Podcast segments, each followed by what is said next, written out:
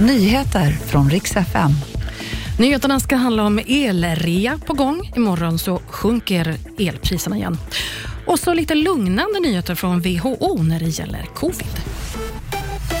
Imorgon så blir det rea på elpriset. Det kommer nästan halveras mellan idag och imorgon. Det visar preliminära siffror från Nordpol.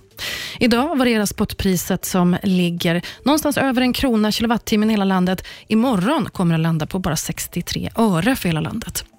I Aftonbladets tjänst Elguiden där kan man följa elpriset timme för timme och se vilka produkter som kostar att använda just nu. År 2022 var det näst varmaste året som hittills registrerats i Europa.